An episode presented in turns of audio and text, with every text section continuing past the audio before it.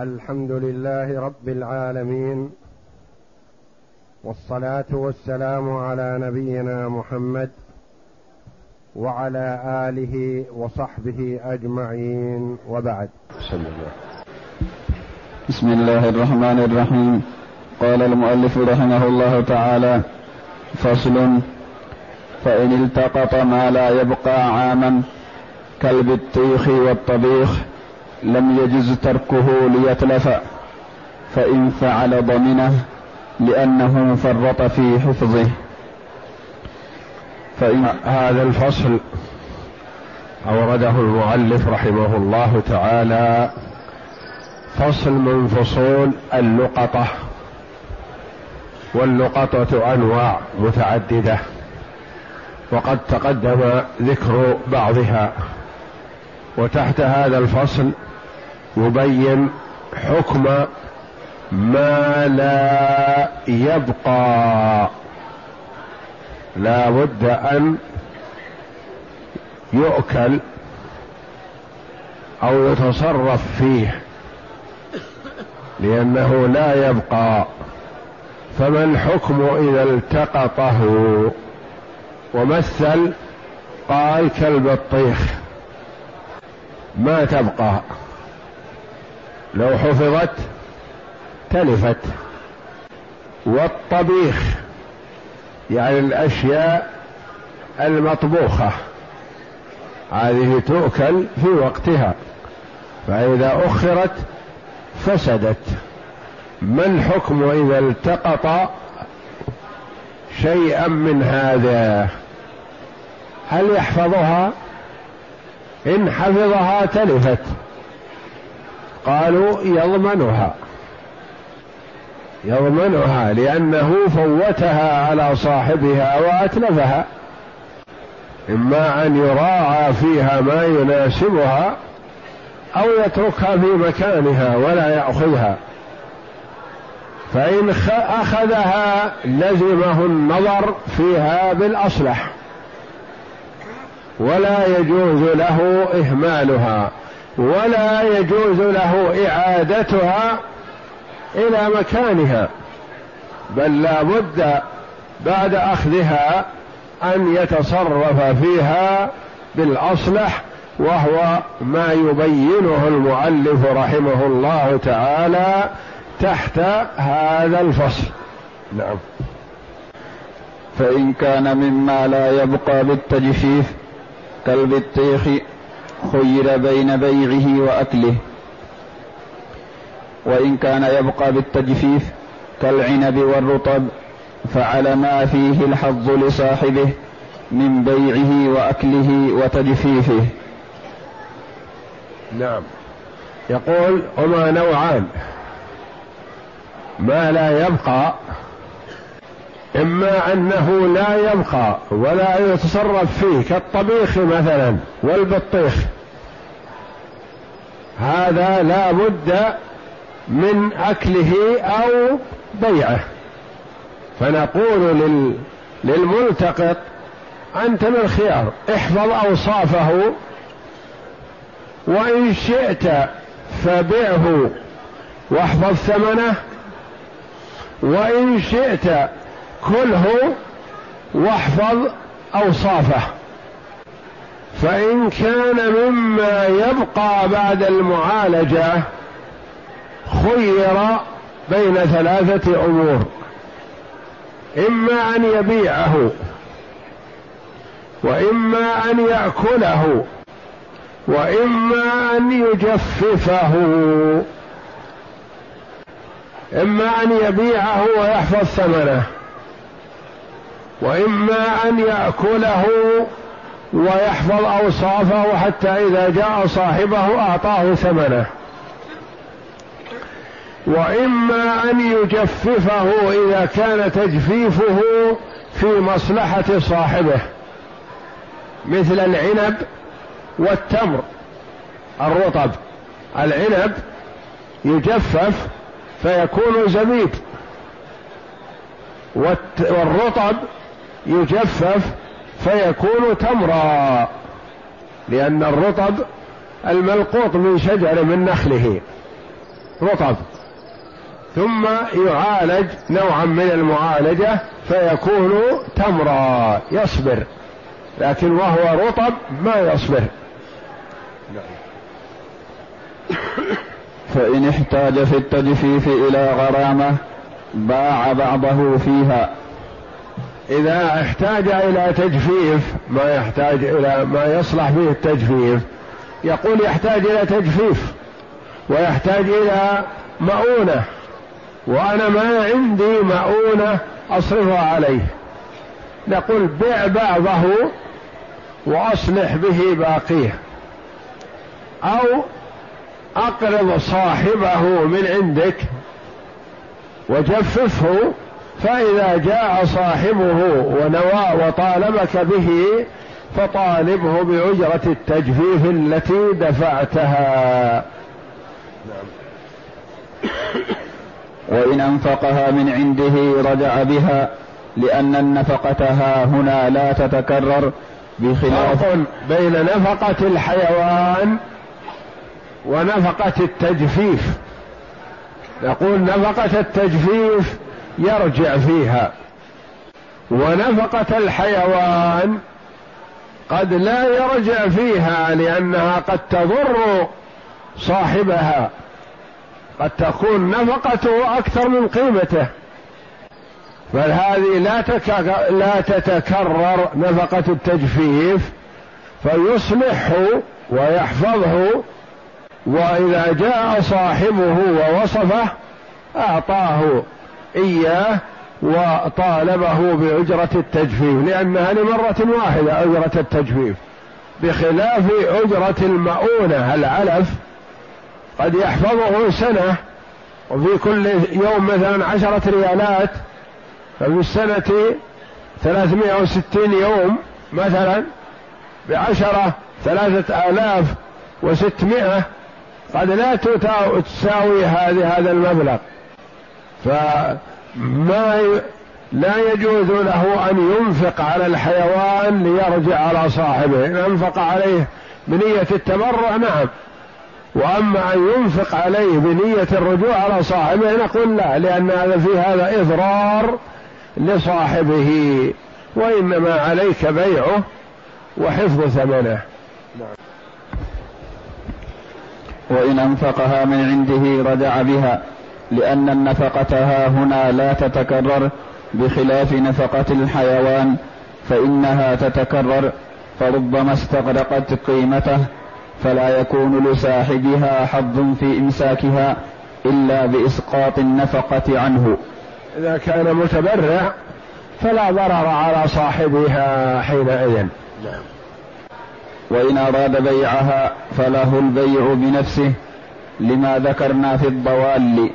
إذا أراد بيعها فله البيع بنفسه يعني يتولى بيعها لأنه مؤتمن عليها وقد تؤول إليه لأنها نقطة ضالة إما جاء صاحبها فله الثمن ومثل هذا غالبا يحرص على استقصاء الثمن لأنه لن يبيعه برخص لأنه محتمل أن يكون له. وعنه رحمه الله له بيع اليسير وأما الكثير فإنه يرفعه إلى السلطان. نعم. وعنه رواية أخرى على أنه يبيع الشيء اليسير. إذا التقط شيء يسير وأراد بيعه يبيعه ويحفظ ثمنه. لكن أشياء مثمنه غالية نقول لا. الرواية الأخرى تقول لا يبيعها بنفسه وإنما يرفعها إلى السلطان. لأن السلطان ولي من لا ولي له ولي أموال المسلمين يتولى الإصلاح لهم والحفظ لهم. والقول في تعريفه وسائر أحكامه كالقول في الشاه والقول في تعريفه وبيعه وحفظه وعلفه وغير ذلك من الأمور وإصلاحه كحفظ كما تقدم في الشاة ونحوها التي لا تنقذ نفسها من السباع. فصل. قال أحمد رحمه الله من اشترى سمكة فوجد في بطنها درة. هذا ليس ضال ولا لقطة وإنما تشبه اللقطة. وجد سمكة اشتراها بعشرة ريالات. ما وجدها؟ اشترى. سمكة بعشرة ريالات. فوجد فيها درة مثلا تساوي عشرة آلاف ريال. وبينما هو شراها السمكة كلها بعشرة ريالات. لمن تكون هذه الدرة؟ هذا ليس ملتقط. لأنه يعرف اشتراها من صاحب الدكان الفلاني وصاحب الدكان اشتراها من السماك الفلاني اللي ذهب إلى البحر وصاد. لمن تكون هذه الدرة؟ يبين المؤلف رحمه الله تعالى هذا الحكم. الرجل الذي اشترى سمكة بعشرة ريالات فوجد فيها ما قيمة عشرة آلاف ما ليست له. هذه معروف صاحبها من هو اللي التقط السمكة من البحر. هو أولى بها. نعم. من اشترى سمكة فوجد في بطنها درة فهي للصياد. للصياد لأن الصياد هو الذي تعب في الحصول عليها وهو الذي التقطها وباعها ولا يدري أن فيها درة. ما يدري عن هذا. فإذا أعلم هو أحق بذلك لأنه هو الذي انتشلها من البحر. نعم. وإن وجد دراهم فهي لقطة لأنها لا تبتلع الدراهم إلا بعد ثبوت اليد عليها. فرق بين أن يجد فيها مثلا درة. الدرة معروفة أنها تكون في البحر. وبين أن يجد فيها جنيه ذهب. سمكة فتح بطنها فوجد فيه خمس جنيهات ذهب. كل جنيه يساوي ألف ريال مثلا. وجد فيها خمسة آلاف. بينما هو مشتريها بخمسة ريال. لمن تكون هذه؟ للملتقط من البحر للصياد؟ لا. لأن من المعروف هذه ما تكون غالبا ولا قد تكون أكلتها في البحر التهمتها في البحر لكن الغالب أن الدراهم ما تكون في البحر. وإنما هذه أكلتها أو التقطتها بعدما صارت في يد شخص. ما يدرى هو الشخص الأول أو الثاني أو الثالث أو الخامس هذه السمكة انتقلت بين عشرة أشخاص. واحد انتشلها من البحر ثم باعها على سيف البحر. الذي اشتراها من سيف البحر ذهب بها إلى سوق الجملة فباعها مع سمك. الذي اشتراها من سوق الجملة ذهب بها إلى سوق التجزئة فباعها مع سمك. الذي اشتراها من سوق التجزئة ذهب وباعها على صاحب الدكان. صاحب الدكان باع خمس على شخص ما. هذا الذي اشترى الخمس من صاحب الدكان فردها على واحدة واحدة أو اثنتين اثنتين. فهذه السمكة آلت إلى سبعة ثمانية عشرة. ويجوز أن واحد منهم طاطا رأسه وصدره ليلتقط شيئا ما فسقطت الجنيهات من جيبه فالتقطتها السمكة. أكلتها حال حياتها قبل أن تموت. فما يدرى إلى الأول للثاني للثالث للخامس هذه قال في حكم اللقطة. إن اللقطة هي التي لا يدرى منها. لقطة وجدت عند باب مسجد أو عند الشارع بالشارع ما يدرى هي لزيد أو لعمر محتمل أن تكون لأي واحد منهم. فكذلك هذه الدراهم التي وجدت في جوف السمكة محتمل أنها للملتقط من البحر محتمل أنها للشاري من سيف البحر محتمل أنها للشاري من سوق الجملة يحتمل أنها للشاري من سوق التجزئة يحتمل أنها لصاحب الدكان محتمل أنها لمن اشتراها من صاحب الدكان محتمل أنها لمن للذي وقعت في يده أخيرا. فهذه الدراهم تختلف عن الدرة لأن الدرة الغالب أنها تكون من البحر والدراهم تكون بعد التقاطها. تكون بعدما صارت في حوزة إنسان لكن لا يدرى هل الأول أو الثاني أو الثالث. نعم. وإن وجد دراهم فهي لقطة لأنها لا تبتلع الدراهم إلا بعد ثبوت اليد عليها. يعني السمكة ما تبتلع الدراهم في البحر غالبا وإنما تبتلع الدراهم إذا التقطت أخذت. وقد تبتلع درة من البحر مباحة فيملكها الصياد بما فيها. لأن الدرة تكون تلتقطها غالبا من البحر. وما كان من البحر هو لملتقط السمكة الذي هو الأول وهو الصياد. نعم.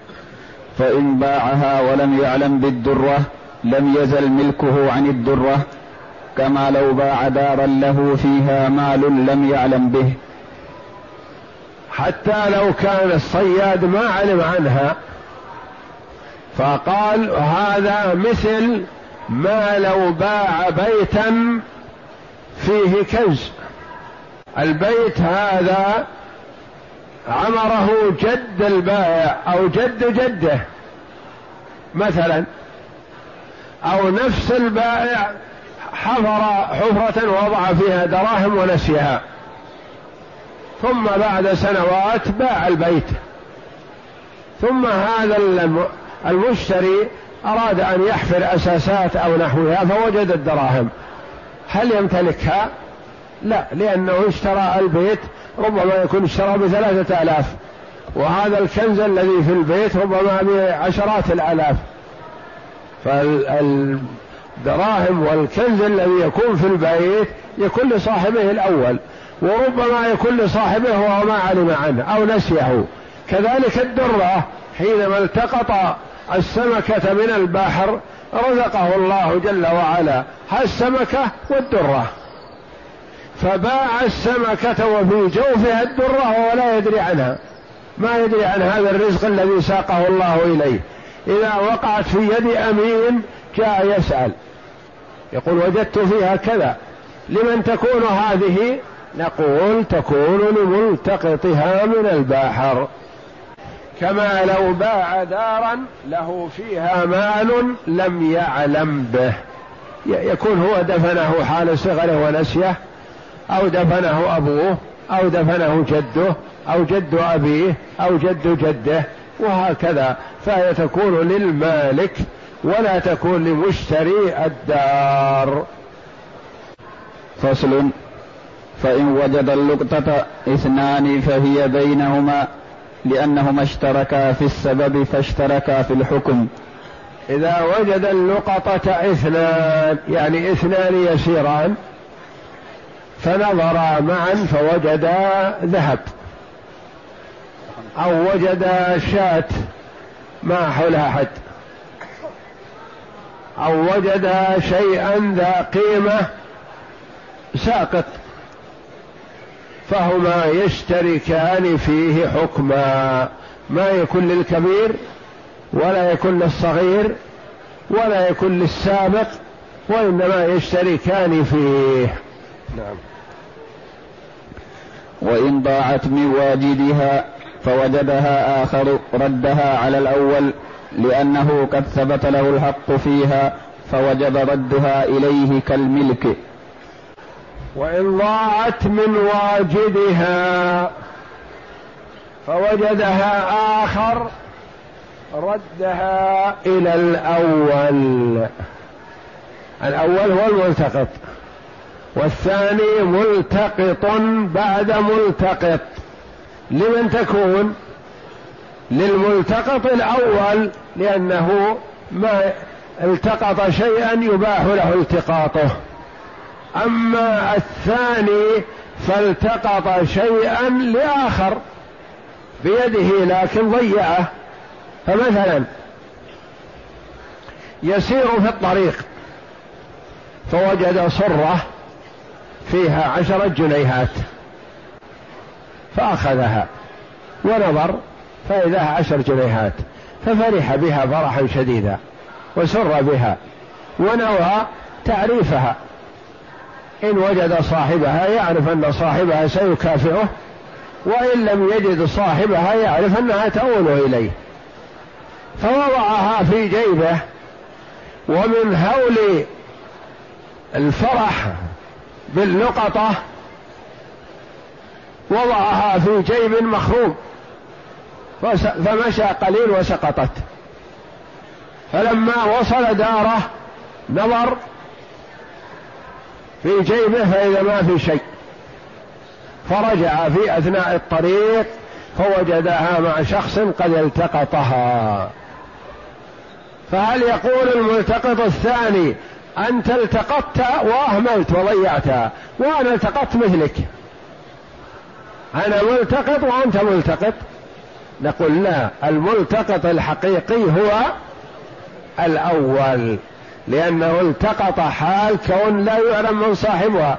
لكن أنت التقطت شيئا عاد إليه صاحبه الذي التقطه فتكون للأول. نعم. وإن رآها اثنان فرفعها أحدهما فهي له لقول النبي صلى الله عليه وسلم من سبق إلى ما لم يسبق إليه مسلم فهو له. وإن رآها اثنان اثنان يمشيان كل واحد في سبيله. شخص رأى صرة ساقطة والآخر رآها كذلك. واحد ميل عليها وأخذها. الآخر ما اكترث بهذا ولا اهتم. يراها مثل ما رأى صاحبه لكن ما ما اهتم لها. فأخذها. فلما رآها وإذا هي جنيهات التفت إليه صاحبه وقال أنا رأيتها مثلك. أنا وأنت رأيناها سوا لكن أنا أخبر بالحقيقة. أنا ما اهتميت لها. قلت يمكنها لا قيمة لها. فما توقعت أنها بهذا الشكل ذهب. فأنا وياك فيها سواء نقول لا. أنت ما اكترثت بها ولا اهتممت لها. وإنما هذا هو الذي حرص عليها وأخذها والتقطها فهو صاحبها. وأنت ليس لك شيء. فرفعها أحدهما فهي له للذي رفعها. نعم. وإن رآها أحدهما فقال صلى الله عليه وسلم من سبق إلى ما لم يسبق إليه مسلم فهو له. هذا في اللقطة يعني من سبق إلى ما لم يسبق إليه مسلم. يعني لقطة أو إحياء. أو كمعة. أو جنى من البر. أو حطب. أو شيء ما من المباحات. فسبق إليه واحد والثاني جاء بعده وقال لا أنا وأنت شركاء. يقول لا هي للسابق منكما. وإن رآها أحدهما فقال للآخر ارفعها ففعل فهي لرافعها لأنه مما لا يصح التوكيل فيه. إذا رآها اثنان يسيران. فقال أحدهما للآخر خذ اللقطه هذه خذ اللقطه هذه. ما اهتم لها؟ قال خذها. يظن أنها بصل أو بطاطس أو نحو ذلك. شيء بسيط بخمسة ريالات أو ريالين أو نحو ذلك. فإذا بها صر الذهب فأراد أن يشاركه فيها. مع صدق كل واحد منهما في الحقيقة. كل واحد صدق بين. يقول الآمر أنا أمرته يأخذها على نية أن نكون شركاء. وذاك يقول أنا أخذتها لي أعرفها التعريف الشرعي ولكن ما له فيها شيء. يقول أنا الآمر له أمرته وأمري له بمثابة توكيل. بمثابة توكيل فهي لي أنا أولى منه لأنه رفعها بناء على أمري. نقول أمرك هذا لا قيمة له. لأنها ليست لك حتى نقول إنك وكلته في رفعها. ما لك شيء ما لك صفة فيها علشان نعتبر وكالة. لا وكالة فهو الملتقط. فإذا التقطها أحدهما والآمر الآخر فهي للملتقط لأنه الأحق بها لأنها مما لا يصح فيه التوكيل. يعني لو أن واحد قال تعال يا أخي هذا البلد أو هذه الحارة مشهورة بالضياع فيها أشياء تضيع واجد لكن أنا أوكلك أي نقطة تجدها تراه لي أنا وياك. أو أوكلك على أن تأخذها لي. نقول هل يصح التوكيل هذا؟ لا. لأن هذا توكيل في أمور خاصة.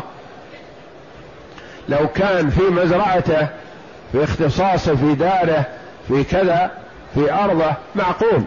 لكن لا اختصاص له في هذا المكان فلا شيء له في هذا لأن وكالته غير صحيحة.